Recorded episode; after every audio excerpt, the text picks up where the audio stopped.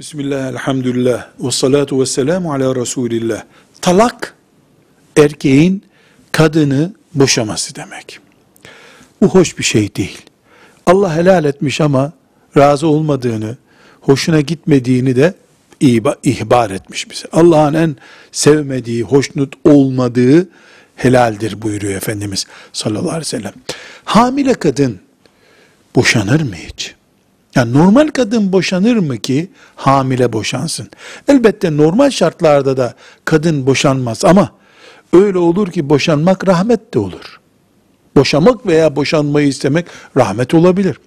Hamilelik sürecinde de olmaması gerekir ama olabilir.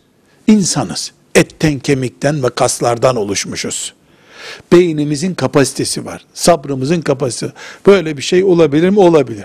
Peki bir kadın hamiledir diye kadının hamile olması şartına rağmen boşarsa erkek gerçekleşir mi? Gerçekleşir.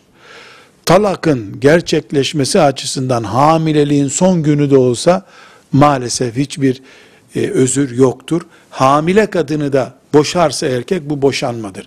Boşamanın şüphesiz çeşitleri var. Yani bir, bir talakla mı boşadı, iki talakla mı boşadı ayrı bir konu. Hamile kadınla hamile olmayan normal kadının boşanmasında bir fark yoktur. Velhamdülillahi Rabbil Alemin.